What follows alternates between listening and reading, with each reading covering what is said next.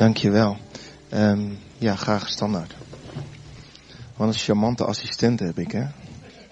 Of misschien assisteer ik haar, zo kun je het ook zien. Wie heeft er zin in een woord van God?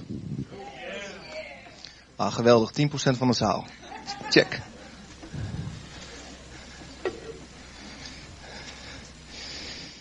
Weet je, want het maakt heel erg uit hoe je namelijk luistert. Ik kan een geweldig woord preken, maar als je er geen zin in hebt, dan komt het niet binnen. En ik kan helemaal niet zo goed preken. En als je ontzettend veel zin in het woord van God hebt, dan krijg je zoveel van hem. Dat is een waarheid. Dat is waar. Zelfs uit de slechtste preek kun je geweldige rijkdommen ontvangen van de Heer, omdat de Heer je hart ziet. En dan gaat het een beetje over vandaag. Jullie mogen opzoeken Matthäus 13. En dan mag de eerste sheet erop.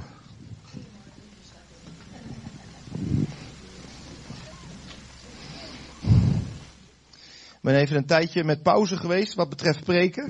Ik was een beetje druk op de battle. Maar nu uh, gaan we lekker weer van start. Ik vind het heerlijk om het woord te mogen brengen in de gemeente. Het is altijd zo mooi als, als je het woord mag brengen, dan gaat het eerst door jezelf heen. En dan ben je al gezegend voordat jullie gezegend worden. Ik ga met jullie spreken over vruchtdragen vanochtend. En dat, doe ik aan de hand van de gelijkenis van de zaaier. En deze, vandaar ook dat plaatje natuurlijk. Deze gelijkenis staat in Matthäus 13, ook in Lucas 8. Maar in Matthäus 13 staat hij ietsje uitgebreider, dus u mag uh, meelezen. Vers 1. Op die dag verliet Jezus het huis en ging bij de zee zitten. En veel menigten verzamelden zich om hen heen, zodat hij in een schip ging zitten. En heel de menigte stond op de oever. En hij sprak tot, heel veel, hij sprak tot hen veel dingen door gelijkenissen. Hij zei, zie, een zaaier ging erop uit om te zaaien. En toen hij zaaide, viel een deel van het zaad langs de weg. En de vogels kwamen en aten dat op. En een ander deel viel op steenachtige plaatsen waar het niet veel aarde had. En het kwam meteen op, doordat het geen diepte van aarde had. En toen de zon opgegaan was, verschroeide het. En doordat het geen wortel had, verdorde het. Een ander deel viel tussen de dorens. En de dorens kwamen op en verstikten het. En weer een ander deel viel in goede aarde en gaf vrucht. Het ene honderd, het andere zestig en het andere dertigvoudig. Wie oren heeft om te horen, laat hij horen. En de discipelen kwamen naar hem toe en zeiden tegen hem, waarom spreekt u in gelijkenissen? Hij antwoordde en zei tegen hen, omdat het u gegeven is de geheimenissen van het koninkrijk de hemelen te kennen. Maar aan hen is het niet gegeven. Want wie heeft, aan hem zal gegeven worden en hij zal overvloedig hebben. Maar wie niet heeft, van hem zal worden afgenomen, zelfs wat hij heeft. Daarom spreek ik tot hen door gelijkenissen, omdat zij niet zien, ook al zien zij, en niet horen, ook al horen zij, en ook niet begrijpen. En in hen wordt de profetie van Jesaja vervuld, die zegt, met het gehoor zult u horen, maar beslist niet begrijpen, en ziende zult u zien, maar beslist niet opmerken. Want het hart van dit volk is vet geworden. En zij hebben met oren slecht gehoord, en met hun ogen hebben, en hun ogen hebben zij dicht gedaan, opdat zij niet op enig moment met de ogen zouden zien, en met de oren horen, en met het hart begrijpen, en zij zich zouden bekeren en ik hen zou genezen. Maar uw ogen zijn zalig omdat ze zien, en uw oren omdat ze horen. Want voorwaar, ik zeg u dat veel profeten en rechtvaardigen verlangd hebben te zien wat u ziet, en zij hebben het niet gezien, en te horen wat u hoort, maar ze hebben het niet gehoord. Luistert u dan naar de gelijkenis van de zaaier. Als iemand het woord van het koninkrijk hoort en het niet begrijpt, dan komt de boze en rukt weg wat in zijn hart gezaaid is. Dat is hij bij wie langs de weg gezaaid is. Maar bij wie op steenachtige grond gezaaid is, dat is hij die het woord hoort en dat meteen met vreugde ontvangt. Hij heeft echter geen wortel in zichzelf, maar hij is iemand van het ogenblik. En als verdrukking of vervolging komt omwille van het woord, struikelt hij meteen. En bij wie in de dorens gezaaid is, dat is hij die het woord hoort, maar de zorgen van deze wereld en de verleiding van de rijkdom verstikken het woord. En het wordt onvruchtbaar. Bij wie in goede aarde gezaaid is, dat is hij die het woord hoort en begrijpt, die ook vrucht draagt en voortbrengt, de een honderd, de ander zestig en de ander dertigvoudig. Vader God, ik bid dat u komt met uw geest en ze onze harten openmaakt, onze oren openmaakt, Heer. Heer, wij willen degene zijn die horen met onze oren. En we willen degene zijn, Heer, die van u kunnen ontvangen. Omdat we zien zoals u ziet en omdat we een hart hebben wat kan ontvangen. Heer, wil u dat geven in uw genade, Heer, dat er honger in ons hart is om te begrijpen wat u zegt. U bent de uitlegger van uw woord. Wil u dat doen, Heilige Geest, in ons midden. In Jezus' naam. We gaan verder kijken naar deze gelijkenis. En het is altijd zo, het woord van God, dat zendt hij uit om een doel te bereiken. En de Heilige Geest die doet dat in onze harten. En daarom vind ik het heel belangrijk om de Heilige Geest telkens uit te nodigen om de uitlegger te zijn van het woord. Ik ben niet de uitlegger van het woord, dat is de Heilige Geest. Hij, hij brengt het dieper. Ik kan het oppervlakkig brengen hier, maar het kan ook zo terugbouncen. Het kan hier ingaan, daar uitgaan. Maar de Heilige Geest werkt op een diepere laag als ik zijn woord breng. En omdat hij aanwezig is. Als we in detail gaan kijken naar deze gelijkenis, dan uh, begint dat bij uh, vers 18. Luistert u dan naar de gelijkenis van de zaaier als iemand het woord van het koninkrijk hoort. Het woord van het koninkrijk staat dus voor het zaad. Er wordt gezaaid en het valt langs de weg. En hij zegt hier, het gaat over het woord van het koninkrijk. Nou, wat is dan dat woord van het koninkrijk? Wat is dan dat zaad wat de zaaier aan het zaaien is? En daarvoor gaan we naar Johannes 1 en daar staat in het begin was het woord en het woord was bij God en het woord was God. Beetje cryptische zin, maar er staat het woord was God. Dit was in het begin bij God. Alle dingen zijn door het woord gemaakt. Zijn door God gemaakt dus. En zonder dit woord, zonder God, is geen ding gemaakt dat gemaakt is. In het woord was het leven, dus in God was het leven. En het leven was het licht voor de mensen. Dus God is het licht voor de mensen. Het zaad is dus God zelf.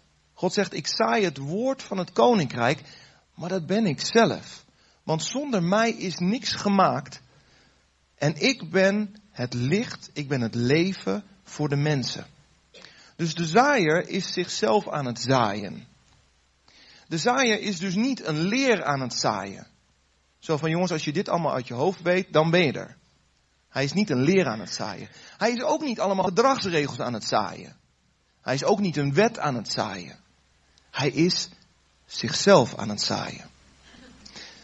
Want God wil, Arena heeft het al gezegd, hadden we niet afgesproken, maar doen toch. God zaait zichzelf, want hij wil bij de mensen zijn. Hij heet niet voor niks Immanuel, God met ons. Dus de kern van wat hij aan het doen is, hij is de mens aan het uitnodigen in een relatie met hem. Ja? Een relatie gaat van hart tot hart. Een relatie is iemand kennen en eerst een beetje en dan steeds meer en steeds meer. En dat vergt tijd en dingen met elkaar doen en besteden. Dat is wat hij wil doen. Hij is dus niet een of andere lat aan het leggen overal. Hij loopt dus niet rond, doe dit, doe dat, doe zus, doe zo. Als je dit doet, komt het goed. Nee, hij zegt, ken mij. Dit is het zaad wat hij aan het zaaien is. Hij wil zichzelf bekendmaken. En als we dan naar de eerste vorm van grond in deze gelijkenis gaan kijken, dan zien we dat er uh, naast de weg gezaaid wordt. Nou, als je even doordenkt, wat is naast de weg? Naast de weg is de berm. je ziet wel, als je langs de, hier zijn genoeg landerijen in de achterhoek. Als je langs de landerij rijdt, dan zie je de berm. Wat is er in de berm? De berm is vaak aangereden, dus een beetje harde grond. En ligt hoop steen in de berm. Helemaal waar Jezus spreekt natuurlijk, hè? dat is een en al steen daar in het Midden-Oosten. De berm is dus niet de beste grond om zaad neer te deponeren. Je ziet dat hier staat dat het zaad geroofd wordt. Het, zaad blijft zo het soort van bovenop die grond liggen. En de tegenstander komt, hier, hier vergeleken met de vogels, en hij neemt zo het zaad weg. Het zaad heeft nog niks kunnen doen. Het is wel soort van binnengekomen, maar is niet, heeft niet kunnen kiemen, heeft niet op kunnen komen. Dit, dit zaad ligt daar gewoon en, en om te wachten tot het weggenomen wordt. En je zou zo iemand kunnen vergelijken met iemand aan wie het evangelie van God verteld is. Misschien door een vriend, misschien meegenomen naar de gemeente, misschien door een lied wat hij gehoord heeft en dan denk ik, hé, hey, hey, daar is wel wat mee. Maar het volgende moment gaat die persoon verder met zijn leven en die gedachte gaat weer weg en raakt op de achtergrond, raakt verloren eigenlijk. Dat is wat hier staat. Het zaad wordt geroofd. Het, het, heeft niet eens de kans om te wortelen. Die relatie die begint niet eens. Maar wordt er alleen misschien in overweging genomen. En dan is de vraag, hoe moeten we daarmee omgaan? Want we zijn met elkaar een gemeente die heel graag willen dat er mensen tot Jezus komen.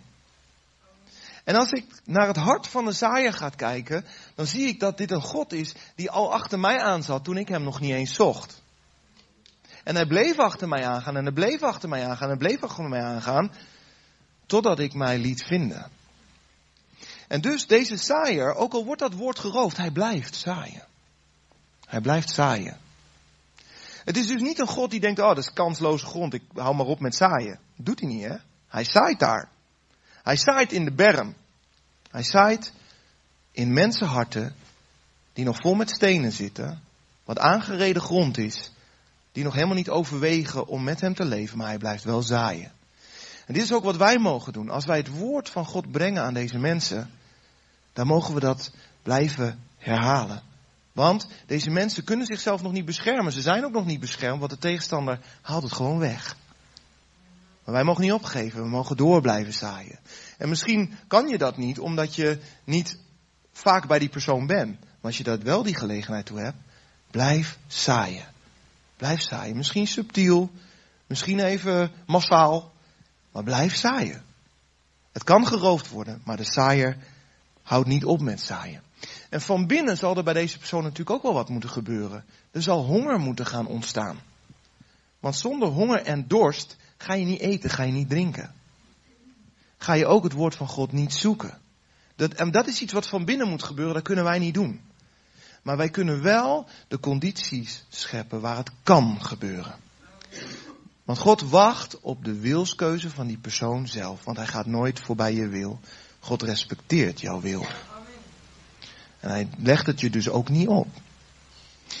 Als we kijken naar de steenachtige grond, in vers 20, dan staat er maar bij wie op steenachtige grond gezaaid is, dat is hij die het woord hoort en het meteen met vreugde ontvangt. Yes!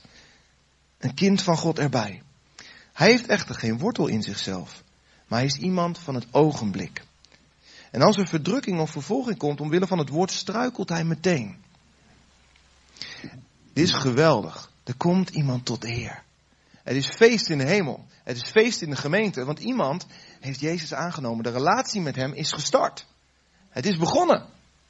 Feest. Maar er zijn ook vormen van intimiteit. Even vergelijking maken met seksualiteit. Zonder verbond. Je kunt, je kunt seksualiteit hebben, intimiteit en liefde en passie en al die dingen meer. Maar als het zonder diepgang is, zonder verbond, waar is diegene dan in de tijden van moeite? Is het niet zo dat liefde wordt gevonden op het moment dat jij heel zwak en kwetsbaar bent?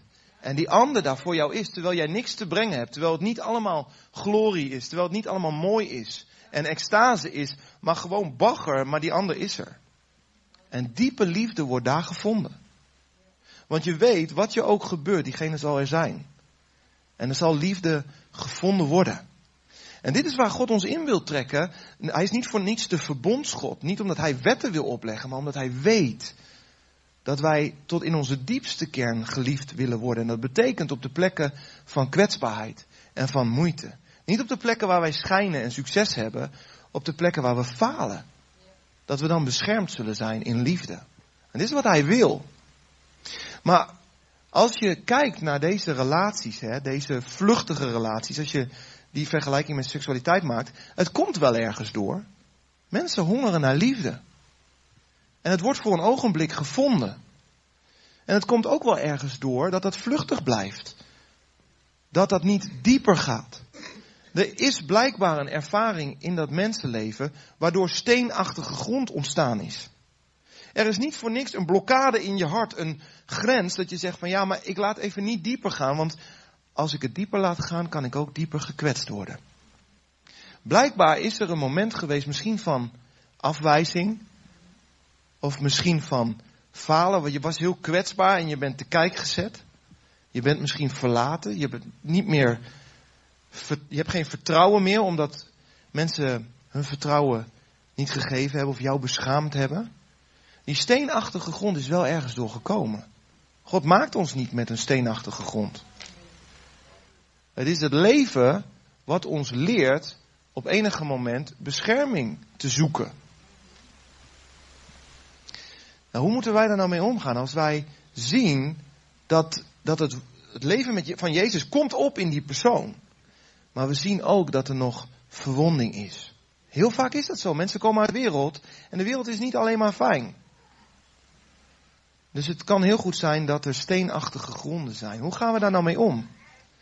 Het is belangrijk dat wij deze mensen leiden in intimiteit met Jezus. We kunnen mensen ook veroordelen. We kunnen ook zeggen, je bent iemand van de ogenblik, joh. Je moet even wat dieper gaan, man. Maar dat gaat deze mensen niet helpen. Wat nodig is, is dat deze mensen weer gaan vertrouwen. Want die steenachtige grond, die moet opengaan, zodat het zaad van God in diepere lagen kan komen. En hoe ga je open? Niet als je veroordeeld wordt. Je gaat open als je aan de voeten van Jezus komt. En wat is heel belangrijk als wij mensen zien die het woord van God omarmen, maar ook nog een stenen ondergrond hebben, dat we ze leiden aan de voeten van Jezus. En zeggen, Jezus wil intiem met jou zijn. En dat intiem zijn wil, wil zeggen dat Jezus elk stuk van je hart wil gaan aanraken. Alles op zijn tijd, want hij is veel betere planner dan wij. Ik zou de neiging hebben om lekker door te pakken. Mijn vrouw zou de neiging hebben om nog wat uren te luisteren. Daarom vullen we elkaar goed aan. Maar de Heer weet precies hoe hij dat moet doen. Wij moeten deze personen leiden in intimiteit met Jezus. Zodat die steenachtige grond open kan gaan. Zodat het zaad dieper kan gaan en wel wortel gaat krijgen. Waarom heb je wortel nodig? Om te drinken, om voedingsstoffen te nemen. Waar krijg je voedingsstoffen? Aan de voeten van Jezus. In het woord van God. In de intimiteit met de Heilige Geest. Maar dat moet wel op gang gaan komen en daarom heb je een wortel nodig. Daarom moeten we ze helpen een wortel te ontwikkelen. En natuurlijk moet er van binnen een verlangen gaan groeien bij deze mensen. Een honger gaan groeien, een dorst gaan groeien om te drinken, om te eten. Tuurlijk. En dat is iets wat wij niet kunnen doen, wat de Heilige Geest doet, maar we kunnen wel de voorwaarden gunstig scheppen. Even zonder papier, maar eventjes weer terug hoor. Ja. En dan vers 22. En bij wie in de dorens gezaaid is, dat is hij die het woord hoort, maar de zorgen van deze wereld en de verleiding van de rijkdom verstikken het woord. Verstikken de relatie met God. Kun je zeggen, hè? En het wordt onvruchtbaar. Hier is dus iemand waar het zaad, het leven van God, is in zijn hart gezaaid. Het komt op. Het heeft ook wortel, anders kan het niet goed opkomen. Maar er zijn ook distels. En er zijn ook zorgen van het leven. En ik denk dat we dat allemaal herkennen, want die zorgen die zijn er gewoon. En als je kijkt naar, ik zei het net al, waar die wortel ontstaat, is in de intimiteit met God. Waar die voeding te verkrijgen is, is in de omgang met de Heilige Geest van dag tot dag. Want waarom was je namelijk bedoeld? Je was bedoeld om God te weerspiegelen. Je was bedoeld om de hemel op aarde te brengen. God wil zichzelf weerspiegeld zien op de aarde. Maar dat kan alleen maar als wij relatie met Hem hebben. Als Zijn leven groeit in ons. En Hij steeds meer in ons wordt, zodat we eigenlijk steeds meer lekken van Hem. Stromen van levend water hebben we het op, die uit ons binnenste vloeien. Dat komt omdat ons binnenste zo vol is geworden met Zijn leven, dat het naar buiten komt. Dat is wat God wil doen. Wat gebeurt er dan dus? Dan wordt door jouw relatie met God, wordt jouw omgeving bewaterd. Jouw omgeving wordt beïnvloed. Alles wat de hemel heeft bewerkt in jou, gaat zijn invloed hebben in de cirkel om jou heen. Want dat is wat Gods plan is. Gods plan is dat de hemel op aarde komt omdat de hemel in jou gekomen is en dus overvloedig wordt en jouw omgeving aanraakt. Maar nou heb je ook de andere kant. Als de zorgen van het, van het leven zo groot worden, dan beginnen ze tegen je te spreken. Want de zorgen van dit leven leren jou iets, toch? Een zorg van het leven kan zijn dat jij je baan verliest. Nou, wat leert jou dat? Dat je geen geld meer hebt aan het eind van de maand. Toch? Dat is gewoon een feit. Kan je wel heel geestelijk over doen, maar is een feit. Wat leert jou dat? Ja, het is geen voorziening. Is er niet. Wat zegt God? God zegt, maak je geen zorgen. Jij bent veel waardevoller voor mij dan een musje. En de mussen hebben genoeg. Je bent veel waardevoller voor mij dan een lelie die opkomt en hij heeft maar een dag. Dat is wat God zegt. Dat is Gods waarheid. Dat is wat in de hemel is voor jou en wat je mag verspreiden. Maar als deze zorg jou vertelt dat er geen voorziening is, dan zit je in een conflict. Hetzelfde als met ziekte. De hemel leert je dat in Jezus genezing is. Dat Hij de hersteller is. Dat Hij de maker is van leven. Amen? Maar ja, als je hartstikke ziek bent of je familie en je maakt je zorgen en je hebt verdriet, dan leert het leven jou dat het ook anders kan zijn. Toch? Ja. En op een gegeven moment hebben die zorgen de macht om het zaad te verstikken. Wanneer hebben zij die macht? Moet even terug naar hoe is de mens gemaakt? De mens is gemaakt om te regeren. Amen. Ja? De mens heeft dus een hele belangrijke plek bij God. Hij mag regeren. Maakt het dan dus uit welke keuze de mens maakt? Ja. Ja, maakt nogal uit. Toch? Als de regering iets zegt, gaat het ook echt gebeuren. Toch? Ja. Nou, wij als mens kunnen dus kiezen welke regering een plek te geven. De regering van de hemel of de regering van de zorgen. Want de zorgen, je kan het adopteren. Ja, inderdaad, joh, er is geen voorziening. Ja, met mij gaat het niet goed komen. Zie je wel, dit gebeurt, dat gebeurt. En voor je het weet, ben jij als regeerder, zo heeft God je gemaakt, dingen aan het uitspreken die ook gaan gebeuren. En die alle aan het gebeuren zijn. En je voedt je met de zorgen. En hoe meer je met de zorgen voedt, hoe meer het deel van je wordt. En je omgeving wordt, wordt um, beïnvloed door wat jij gelooft. Je zal niet iemand zijn bij wie hoop gevonden wordt als je alleen maar gelooft dat het niet goed komt met je. Jouw omgeving zal geen hoop bij je vinden. Terwijl God had jou bedoeld als een baken van hoop omdat Hij in je leeft. Zijn we dan naïef als christenen over zorgen? Want dat komt er ook nog wel eens voor. Nee, absoluut niet. De zorg die er is, is er gewoon. Ja, we gaan deze dingen niet ontkennen. We gaan niet zeggen, ah glorie, want God is met ons. Ja, hallo. Als je hartstikke ziek bent, dan moet er gewoon voor je gezorgd worden. En als je geen eten hebt, dan moet er gewoon voor je gezorgd worden en is er voorziening nodig. Laten we even duidelijk zijn daarover. Dat is helder. Maar je bent als regeerder, ben je wel in staat te kiezen welke bron jij voedt. En juist in de tijden van moeite moet je de bron opzoeken. De intimiteit, de gemeenschap met de Heilige Geest. Want het stelt jou in staat om vanuit de hemel te kijken naar de aarde. Want het is bedoeld dat de hemel in jou regeert, zodat de aarde gaat veranderen. Het is niet de bedoeling dat de aarde in je regeert, zodat de hemel niks meer kan doen. Er zijn mensen die hebben alles en zijn niet dankbaar. En er zijn mensen die hebben niks en die zijn zo dankbaar.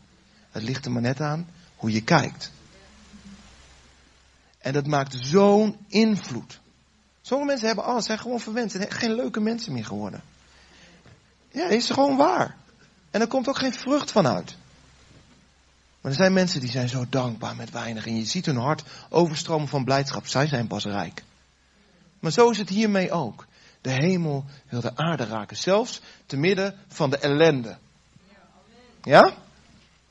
Ik heb wel eens letterlijk in mijn auto gezeten en ik heb gezegd tegen de zorgen, en nu hou je je mond. Want het enige wat je me leert, is dat het niet goed komt. Maar mijn God is groter dan dat. Hij is mijn schepper, hij is mijn maker. Hij spreekt en het is er. Dat is mijn God. En ik heb wel eens letterlijk gezegd, gewoon, jij daar, zorg. En ik had redelijk wat zorg op dat moment. Zeg je, jij gaat mij niet bepalen. Want mijn God regeert in mij. Was de zorg weg? Nee.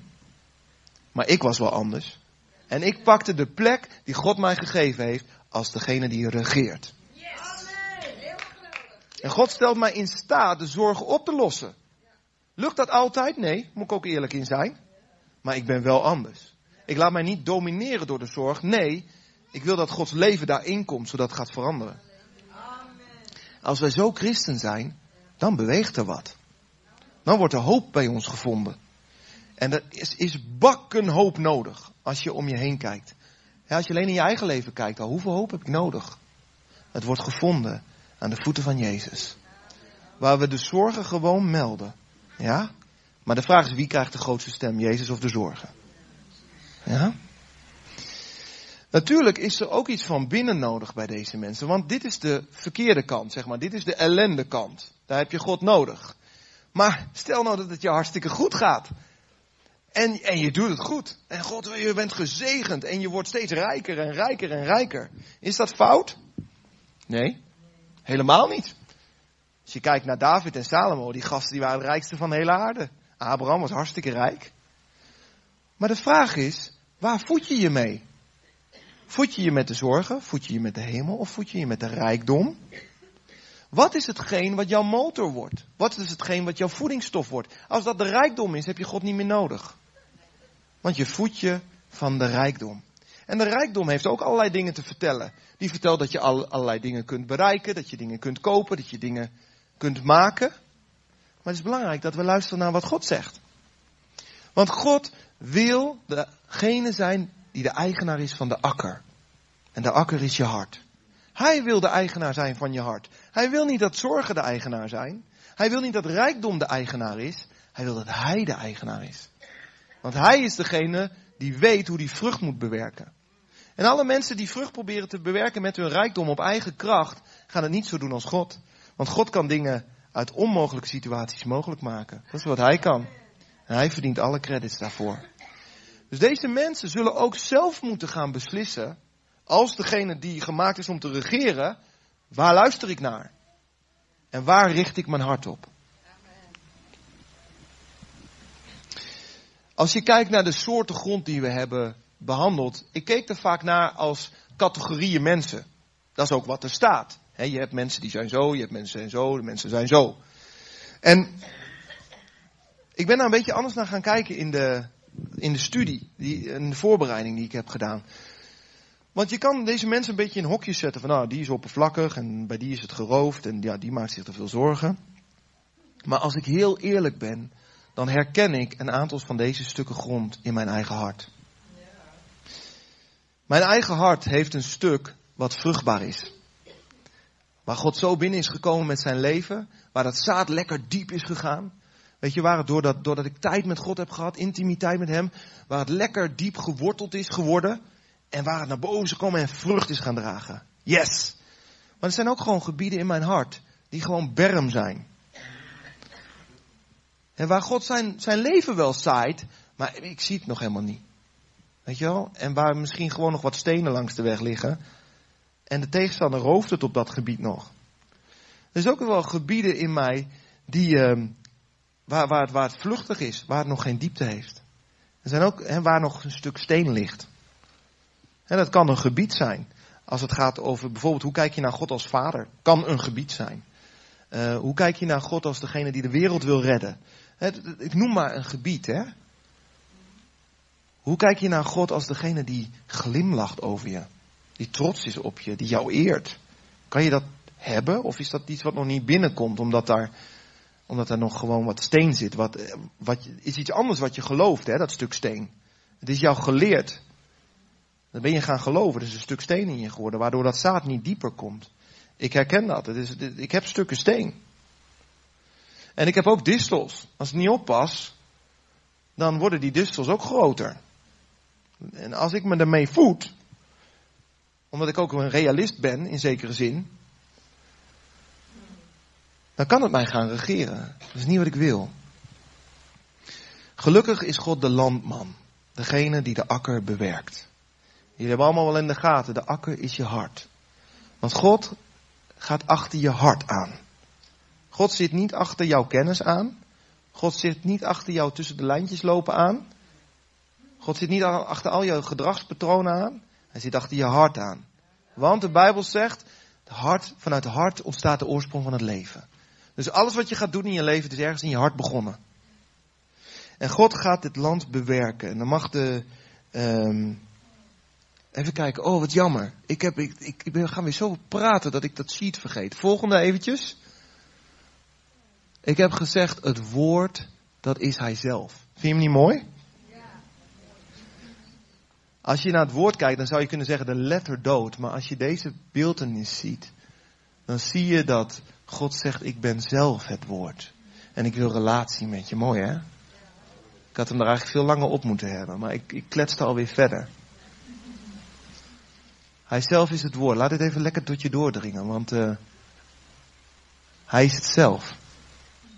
Hij wil relatie met je. Dan mag de volgende ervoor. Ja, dat is dan alweer gelijk uh, een beetje anders. God is de landman. En de landman die bewerkt het land. En je ziet hier een geploegd land liggen. En als je net de vergelijking met je hart hebt gemaakt en die huk en zo, dan denk je, auw! Als je er gewoon even met zo'n ploeg doorheen loopt te rachen. Maar deze stenen en deze stenen ondergrond, God wil deze dingen openmaken. Zodat het zaad dieper kan komen. En het is zo mooi, de Heilige Geest zit al achter je aan. En je zult soms merken dat de Heilige Geest deze, deze steenplaat, wat soms staat voor pijn, of soms staat voor een gedachte die een leugen is geworden, een waarheid in je hart is geworden, hij, hij raakt hem soms aan. En soms is het even dan, tang, zo, doe. Weet je wel, dat je in de dienst zit en denkt, oh, die is voor mij. Boe. Of dat je daar even geen raad mee weet. Hij raakt het aan. Maar hij weet wat hij doet. En op dat moment knalt die laag steen eventjes doormidden, zodat er een scheurtje in ontstaat. Maar hij weet wat hij doet. Soms doet hij dat ook met een hele lieve, zachte aanraking. Zo, ding, en dan zie je dat badje gaan in jouw steen. Soms gebeurt dat tussen broeders en zusters. Dat gebeurt soms ook, hè. Dat een hele lieve broeder of zuster naar je toe komt, die toch wel een beetje in, in je allergiehoek ligt. Zeg ik, zeg ik wel mooi, hè? En dan uh, komt even die botsing van binnen. En dan kan je natuurlijk heel veel naar die broeder kijken. Hè? Maar wat weet je wat echt interessant is? Wat er in jouw hart gebeurt. Dat is heel interessant. En misschien zegt God wel van ik wil dit even een beetje openmaken eigenlijk. Want ik wil mijn zaadjes wat dieper. Ik wil mijzelf wat dieper begeven in jouw hart op dat terrein. En daarom is het echt heel erg interessant hoe wij reageren op dat soort dingen. De Heilige Geest weet wat hij doet. Hij weet wat hij doet. Weet je wat er ook vaak gebeurt als die steen eventjes aangeraakt wordt? Hè? Dan komt er toch een bak bagger vrij, jongen. Want die steen is daar niet voor niks gekomen. Hè? Stel dat je heel veel afgewezen bent in je leven. En daardoor is je hart verhard. Je denkt, ja, ik kom tot zover, kom je binnen en niet verder. Ja, dat is heel logisch, hè? is ergens ook een soort beschermingsmechanisme wat we hebben als mensen. Maar bij de Heilige Geest is het veilig. En dan komt even, er wordt even aangeraakt. En dan gaat het open. Moet je dan gelijk um, sociaal verantwoord reageren? Moet je dan gelijk heel vroom en religieus reageren? Dank u Heer dat u mij aanraakt. Ik zal het bij u brengen. Ik zal het bij u brengen. Dan zijn we soms wel geneigd hè, om bij de Heer het goede te willen doen. Hè? Maar waar God geïnteresseerd in is, is of je dat wat die steen heeft veroorzaakt, of je het aan hem wil geven. Of je het met hem wil delen. Wat betekent delen met hem? Nou, in mijn geval betekent dat ik soms ook even naar de hemel heb staan te schreeuwen en allemaal boosheid eruit geknald heb. Amen. Ja? Klinkt misschien heel onheilig, hè, maar denk je nou echt dat de Heer God wiebelde op zijn troon? Echt niet hoor. Echt niet, maar mijn vader, mijn God, maar hij kent mij toch. Hij wist al lang dat deze boosheid in me zat. Zeg, oh kind, heerlijk, eindelijk, je hebt het eruit gelaten. En ik heb alleen maar geschreeuwd tegen God. Ik heb gezegd, Heer, alsjeblieft, kom erbij. En dat is precies alles wat nodig is. Amen. Niet meer, niet minder. Ga jij dat namelijk veranderen? Nee, echt niet. Gaat niet goed komen hoor. Als je uit jezelf gaat reageren, dan gaat het niet goed komen. Want dan knal je het eruit, maak je nog meer schade. Worden anderen boos, word jij weer boos en voor je het weet zit je bij de rijdende rechter. Ja toch? Maar als de Heer binnenkomt, mag de volgende sheet erop. Dan komt Hij binnen en Hij gaat je hart bedouwen. Hij gaat je hart zacht maken. Ja? Die boosheid is er wel. Je moest er ook uit. Want het was ook niet oké wat er gebeurde. En God is het meteen met je eens. Hij zegt maar, mijn lieve kind, ik wil niet dat jouw hart daardoor niet meer vruchtbaar wordt. Want mijn zaad kan niet bij je binnenkomen. Ik wil binnenkomen. Dus ik ga dat besprenkelen. Ik ga het zacht maken. En de Heilige Geest doet dat soms in een aanbidding of in de dienst. Of gewoon als je thuis op de bank zit, begint je aan te raken. denk, wat gebeurt er? Man. Weet je wat er ook gebeurt? Je emoties worden hersteld. Je kan in één keer weer huilen. Heb je wel eens opgelet, geestvervulde mannen, hoeveel die huilen? Ja, zeg waar hoor. Ik huil twintig keer zoveel als vroeger. En zeg waar. Ja, mijn emoties worden hersteld. Betekent dat je altijd moet huilen? Nee, ook niet. Hè? Dit is niet een teken van geestelijkheid of zo. Hè? Dus even oppassen. Maar de Heilige Geest wil je zacht maken. De Heilige Geest raakt je aan op diepere plekken dan een mens je kan raken. Als je hem binnenlaat. Het is zo gaaf. En hij laat dingen gebeuren zodat je gaat genezen van binnen. Zodat zijn zaad daar kan opkomen. Dat is wat hij wil doen. Wat moet jij daarvoor doen? Ja zeggen tegen de Heer. Ja? Is vrucht dus een prestatie? Nee. Ja, van hem, maar niet van jou inderdaad. Maar komt er vrucht als je altijd nee blijft zeggen? Ook niet. Durf je de Heer zo te gaan vertrouwen dat Hij een goed werk zal doen? Dat is de vraag. En als je daar ja op zegt en zegt, Heer, ik heb u zo nodig. Ik heb honger naar u, ik heb dorst naar u, want ik zie dat u degene bent die dingen kunt herstellen. Dat is jouw ja. En hoe meer je ja zegt, hoe meer vruchten kan komen. Heb je dus een verantwoordelijkheid? Ja, want het maakt nogal uit of jij ja of nee zegt. Toch? Is dat een prestatie in de zin van, oh jongens, ga ervoor. Nee, het is een overgave. En hij is degene die het gaat doen in je. Alleen jij moet ja blijven zeggen. De vrucht heeft alles te maken met hem. Hij wil dat het hemel op aarde wordt door je heen, maar het moet eerst wel hemel in je hart worden, omdat hij er is. En hoe meer hij in bezit kan nemen, hoe meer de hemel zichtbaar wordt door jou heen en je omgeving ook aangeraakt kan worden. Want het gaat gewoon stromen, je houdt het niet tegen. Je houdt het gewoon niet tegen. Als God je eenmaal zo genezen heeft van binnen, dan kan je er niet over ophouden. Het komt er gewoon uit. Dan wil ik met jullie graag kijken naar waarom Jezus in gelijkenissen sprak. Want het stuk staat ertussen. Het stuk over horen, niet horen, zien, niet zien. Heel cryptisch verhaal allemaal. Maar het staat precies tussen de gelijkenis en de uitleg. Het heeft te maken met alle gelijkenissen, dat staat in de Bijbel. Maar het heeft ook specifiek te maken met wat er gebeurt op die akker. Die akker is het hart. En het zaad is Jezus die zichzelf openbaart. En die akker bewerken heeft alles te maken met hoe je hoort. In het stuk staat, de discipelen kwamen naar hem toe en zeiden tegen hem, waarom spreekt u door hen gelijkenis? En antwoordde en zei tegen hen, omdat het u gegeven is de geheimenissen van het koninkrijk te hemelen te kennen. Het kan je dus gegeven zijn.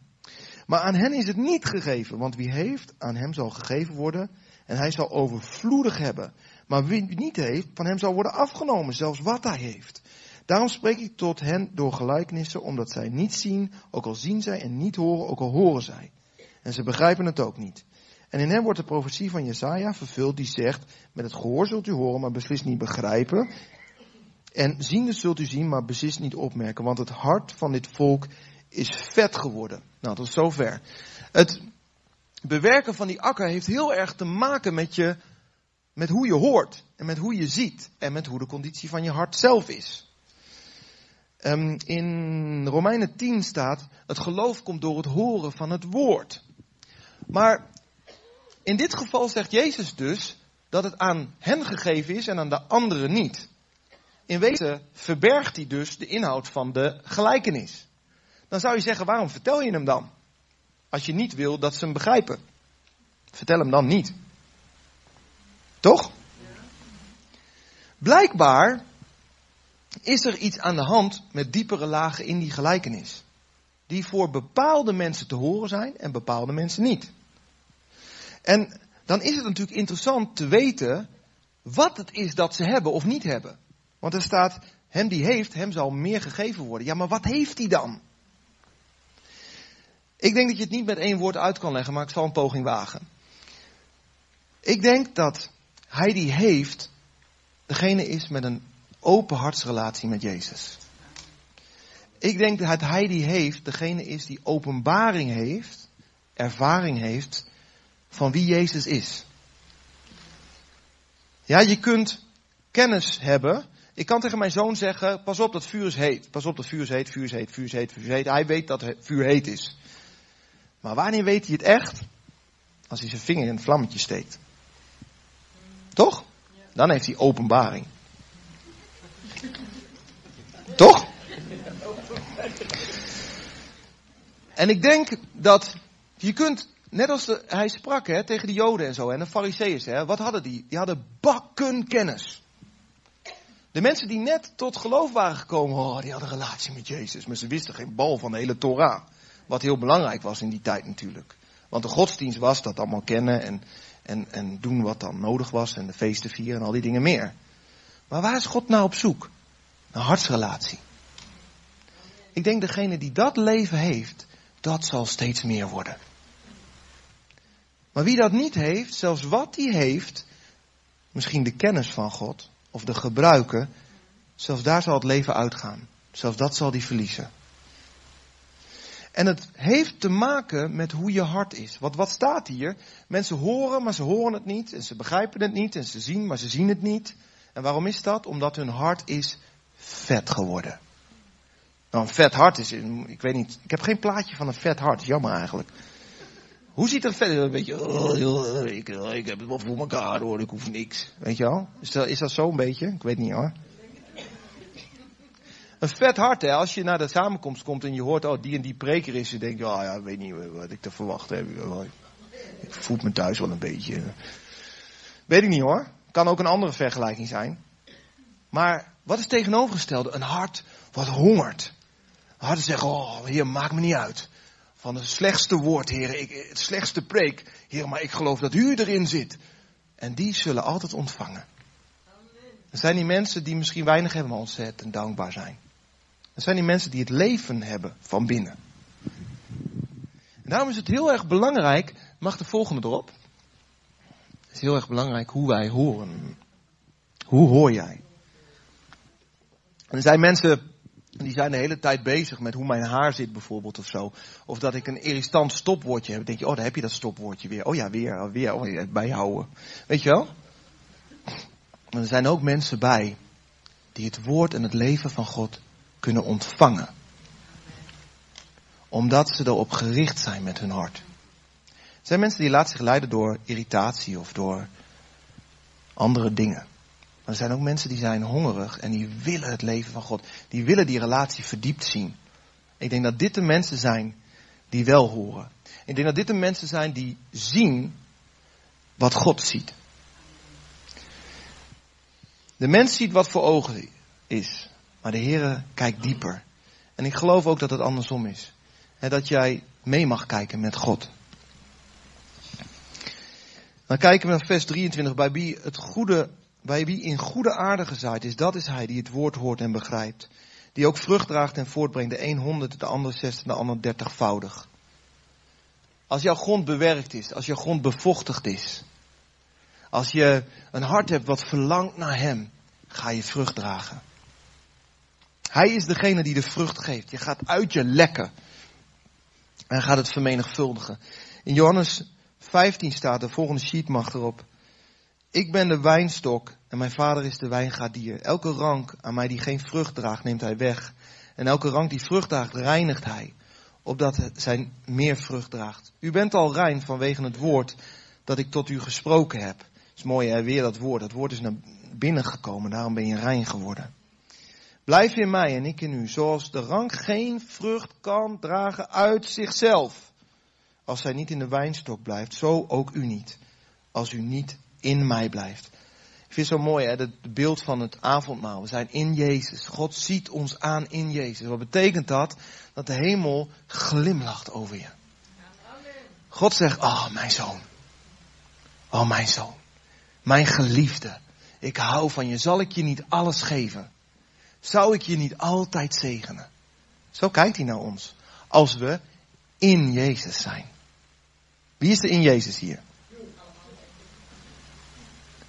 30% van de zaal? Yes. Ik ga al omhoog in de percentages. Maar dat betekent dat de waarheid van Gods woord is dat de hemel glimlacht over je. De gunst van God is op je. Op mij ook. Halleluja. Oh, tegen hem. Sorry, ik pak dat woord meteen, hè. De gunst van God is op je en je gaat vrucht dragen als je in hem blijft. Als je niet in hem blijft, ga je leeg lopen en komt dat water en wordt niet aangevuld. Snap je? Dan krijg je een oud woord. En dan krijg je niet het leven wat van de bron vandaan komt elke keer. Het moet blijven stromen, dat leven. We kunnen dat niet zelf. Ik ben de wijnstok en u bent de ranken. Wie in mij blijft en ik in hem, die draagt veel vrucht. Want zonder mij kun je niets doen. Ja? Het is wel belangrijk dat wij ja blijven zeggen tegen de Heer. Want Hij is echt te vertrouwen. Dat gaat blijken als je ja zegt tegen Hem. En dat geldt voor welke ondergrond je ook ziet in jouw leven, in je hart. En ik geloof in jullie harten, in jullie levens, net zoals ik ze herkend heb, zul je een aantal dingen uit deze gelijkenis herkennen. De stukken grond die er gewoon zijn. En de vraag is, hoe ga je om in de relatie met Hem? Ga je ja zeggen tegen zijn ploegen? Ga je ja zeggen tegen zijn bewateren? Ga je ja zeggen tegen wat hij zegt? Als hij zegt tegen je, mijn gunst is op je. Zeg je daar ja tegen? Of denk je, ja, je gunst kan helemaal niet, want mijn ouders die vonden mij helemaal niet leuk. En uh, ik ben helemaal niet iemand wie, op wie gunst is. Nou, dat is een leugen. Dat is een leugen. Het is je wel geleerd, maar wil je, wil je de Heer zo vertrouwen dat je hem gaat geloven? En dan gaat het open voor je. Dan denk je, wat? Ben ik de gunsteling? Echt waar? Zou God dan dichtbij komen of verbergt hij zich voor mij? Nee, hij komt dichtbij. Oké, hoe is dat dan? heb ik nog niet zo ervaren. maar God wil je in die ervaring trekken. Hij wil dat dichtbij brengen, zodat de hemel in jou steeds groter gaat worden en jouw omgeving gaat aanraken. Dat is wat hij wil. Hij wil dat de hele aarde wordt vol van zijn heerlijkheid. En dat maakt niet uit waar je vandaan komt. Er waren mensen bij, die waren de grootste zondaars, als wij ze even in een hokje mogen plaatsen. En die hadden wel het leven. En de grootste vrome mensen die erbij stonden, hadden het leven niet. Dat zie je in deze gelijkenis. Ze horen, maar ze horen het niet. En degene denkt, oh dank u Jezus, dank u, oh wat heeft u nog meer te zeggen? Die horen het wel. Omdat hun hart niet vet is, maar hongerig. En dan mag naar de laatste sheet van De Heer God zaait zichzelf. En er staat in Johannes 12, ik verzeker u als de graankool niet in de aarde valt en sterft, blijft het één graankool. Maar als het sterft, draagt hij veel vrucht. En ik denk dat dat ook voor ons geldt. Als wij sterven aan onszelf, het eigen kunnen van de mens, de trots van de mens, dan zeggen, nee maar Heer, ik heb u nodig. Ik erken, het is niet ik die het doe, maar ik die ja zegt en dan doet u het. Ja? Dat is sterven aan jezelf. Maar weet je, dat betekent ook wel misschien als je vaker ja zegt tegen de Heer, dat hij en je grond bewerkt en je bewaart en je gezond maakt en je begint vrucht te dragen. En dan zegt de Heer, wil je, wil je een kanaal zijn wat nog wijder open gaat voor mij? Want de hemel is in je gekomen en het begint te stromen naar buiten. Maar ik wil eigenlijk meer van mijn leven door jou heen laten stromen. Mag het ook stromen naar die buurvrouw daar? Die niet goed in de buurt ligt? Ik wil daar stromen met mijn leven, zegt God. Maar ik heb jou nodig als kanaal. Wil je alsjeblieft aanbellen? Ja, maar hier durf ik allemaal niet. En straks verklaren ze me voor gek en zo. Dat kan, ja. Wil je smaad leiden voor mij? Dat is wat God wel zegt. En God zegt, ik wil mijn leven daar brengen. En mijn leven is zoveel waard dat het ook iets kost. Dat is met waarde. Hè? Waarde is geweldig. Maar het kost ook iets. Waarde heeft een prijs. Jezus heeft de prijs betaald, ja, dat klopt. Maar we zijn wel navolgers. En hoe meer je ja gaat zeggen, hoe meer God gaat laten zien wat op zijn hart is. Zeg je, maar ik hou van diegene die daar staat. Ja, maar heer, diegene vind ik raar. Of heb ik dat alleen? Ja, hè? Mag jij voor mij bidden straks? Maar zo is het toch, of niet? Of ik, of ik vind het gewoon eng, of ik ben bang voor schut te staan. Dan denk ik, ja, maar, maar stel dat ik nou iets vertel, hè, maar de, en de Heer doet het niet. Maar, de heer, maar weet je wel, de heer, heer zegt van, wil je nog een keer ja zeggen tegen mij? Want ik wil met leven wat ik in jou heb gebracht, wil ik daar ook brengen. Wil je een wijder kanaal zijn? Want God zegt, mijn hartsverlangen is dat de hemel wordt op aarde. En dan heb ik kanalen nodig, zegt God. Dan heb ik mensen nodig die ik gemaakt heb om te regeren. Want ik wil dat mijn regering daar komt, zegt God. God kan het ook alleen hoor, maar hij heeft niet zo gekozen.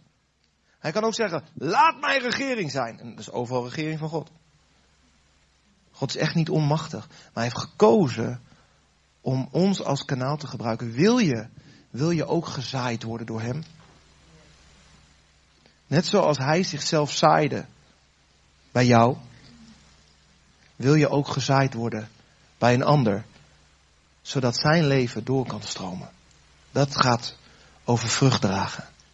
Het gaat niet buiten je om, dat je alleen maar gebruikt wordt als een prestatiekanaal. Het gaat door je heen. Want God betrekt je als een zoon en als een dochter die eigenaar is van de erfenis die daarboven is. En je mag de erfenis meehelpen uitdelen aan de anderen. Je bent dus geen slaaf die uitgeput wordt totdat hij waardeloos is geworden. Volgende. Je bent een zoon die meehelpt. Dus het gaat door je heen. Vader God, dank u wel. Waar u binnenkomt, daar komt leven. En ik hou zo van u daarvoor. Ik dank u wel dat bij u altijd hoop is. Dat er niks te hopeloos is voor u.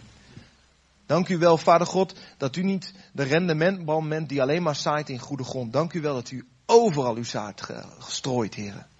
U zaait uzelf overal, overal waar het fout is gegaan, overal waar het mis is gegaan, waar ellende en duisternis is, daar zaait u uzelf. Heren, u berekent niet eerst de kansen of het wel op gaat komen of niet. U geeft gewoon. En ik dank u daarvoor, heren. Ik dank u wel, heren, dat u ook niet één keer zaait, maar dat u doorgaat, heren. Heer, ik denk aan al onze geliefden, heren, onze kinderen misschien, onze ouders die u niet kennen. Heren, waar we al jaren voor bidden, waar we al jaren zaaien, heren. Dank u wel dat u niet ophoudt. Dank u wel dat uw zaad niet op is. Heren, dank u wel dat u doorgaat met zaaien, heren. En wij willen ook doorgaan met zaaien, Vader God.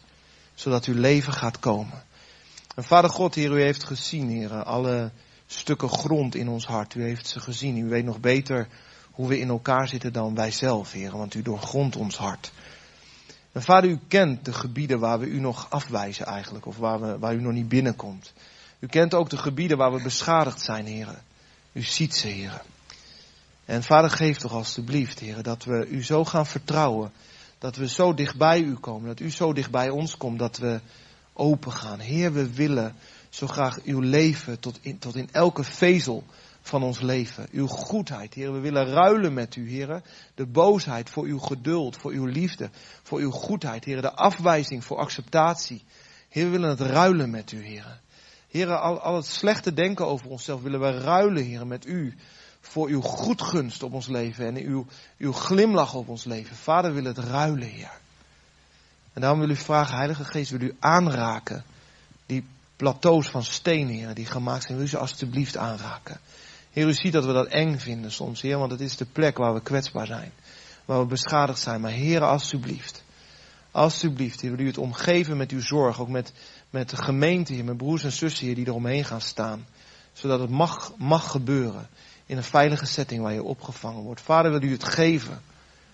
Heer, wil u het geven. Heer, ook als wij nog helemaal niet weten hoe het is alleen tussen u en, en ons, Heer. Als we alleen maar uw warmte kennen vanuit de gemeente.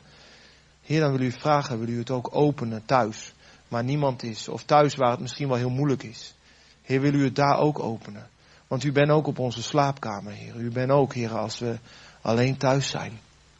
Heilige Geest, zegen ons met uw genade, Heer, dat u honger plant in ons hart, Heer. Alsjeblieft, mag het toch zo zijn dat ons hart niet vet wordt, Heer. Het allemaal zelf wel kan, of ons hart op slot gaat voor u, zodat uw leven niet kan komen. Heer, geef alsjeblieft van uw leven en geef dat we open kunnen gaan. In veiligheid, zodat we kunnen gaan bloeien voor u. Heer, dank u wel voor uw geweldige plannen over ons leven. Dat we zouden bloeien, Heer. Dat we zouden vrucht dragen, Heer. En niet omdat u een, een, een, een gretige God bent die al het bezit bij elkaar wil vergaren. Heer, maar omdat u ziet dat, het, dat die uitbundigheid, daar zijn we voor gemaakt. Om als een bloem te zijn die open gaat, Heer. Heer, dank u wel. Het maakt ons hart blij als we zien dat uw leven andere mensen aanraakt, Heer. Dat uw goedheid stroomt door ons heen naar een ander. Het maakt ons blij. Heer, daar heeft u ons voor gemaakt. Om te delen in uw vreugde, Vader. Heer, wil u het geven. Heer, op dit moment, Heilige Geest, wil u vragen, wil u de gebieden aanraken, Heer. Wil u spreken. Heer, u kunt dat zo goed, Heer. En ook als we thuis zijn deze week, Heer, wil u spreken, Heer. Wil u ons verrassen, Heer, met uw, uw dauw, Heer. Waar u ons hart zacht maakt, waar u binnenkomt, waar u onze emoties heel maakt. Heer, wil u het geven. Dank u wel dat u zo'n uitbundige uitdeler bent. Zo'n bron van hoop bent. Zo vol van liefde bent. Dank u wel dat u niet afwijst, maar dat u omarmt. Heer, we houden van u. In Jezus' naam. Amen.